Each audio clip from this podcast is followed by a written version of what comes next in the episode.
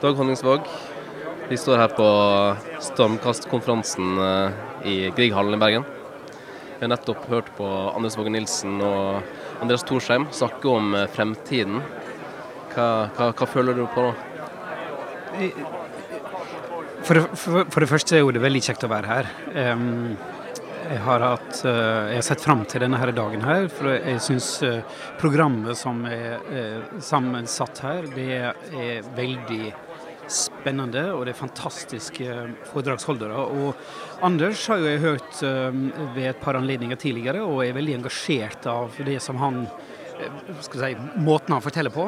Og, og, det er ingen tvil om at han har gjort en veldig god eh, eh, forberedelse til konferansen her. Og, og stormvarselet, eh, det å engasjere så bredt som han gjør, syns jeg er veldig interessant. Og jeg håper jo at dette her blir slik som ambisjonen er, eh, nemlig å, å, å sette i gang en debatt. Og, og, nettstedet som er etablert i den forbindelse, håper jeg også får et, et, et spennende liv framover. Ehm, det er første gang jeg hører Andreas Torsheim, men det er jo en fyr som jeg har fulgt med de siste åra. Ehm, han ehm, var jo en kort periode i opera, det var jeg også, for en del år tilbake igjen. Eh, og valgte da å gå ut av opera og jobbe med andre ting. Det har han også gjort. Men eh, det er første gang som sagt jeg hører han snakke om sine perspektiv og erfaringer fra mediebransjen. Veldig interessant.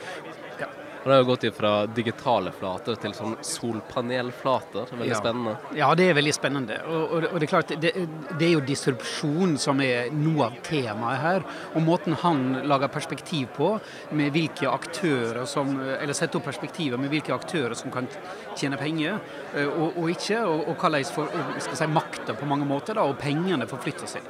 Veldig interessant. Du er jo styreleder i, i min bedrift, Network Research. Uh, hvor ser du vår bransje gå videre nå? Vi er jo digital bransje, man skulle kanskje tro at vi var future proof, men er det sånn?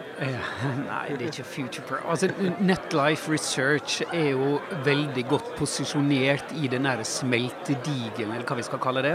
Fordi at vi jobber med kanskje det som er aller, aller, aller viktigst, og som er gjennomgående i, i, i både uh, Anders og Andreas sine, sine foredrag foredrag her, nemlig brukeropplevelsen og brukerbestemmelsen. Den innflytelse vi har som brukere. Og, og, den må tas på alvor. Og her, uh, dette, er jo, dette, er jo, kjernen til, uh, til Netlife Research. Så jeg mener vi er veldig godt posisjonert uh, for å hjelpe bedrifter over i nye forretningsmodeller. Hjelpe dem til å kommunisere med kundene sine på en annen måte.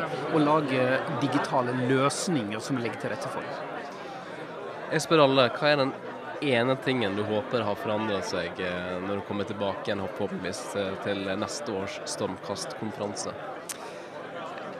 Det, det, er jo det store spørsmålet. Altså, Hvordan vi som mennesker tar de store utfordringene eh, knytta til miljø og bærekraft eh, al alvorligere.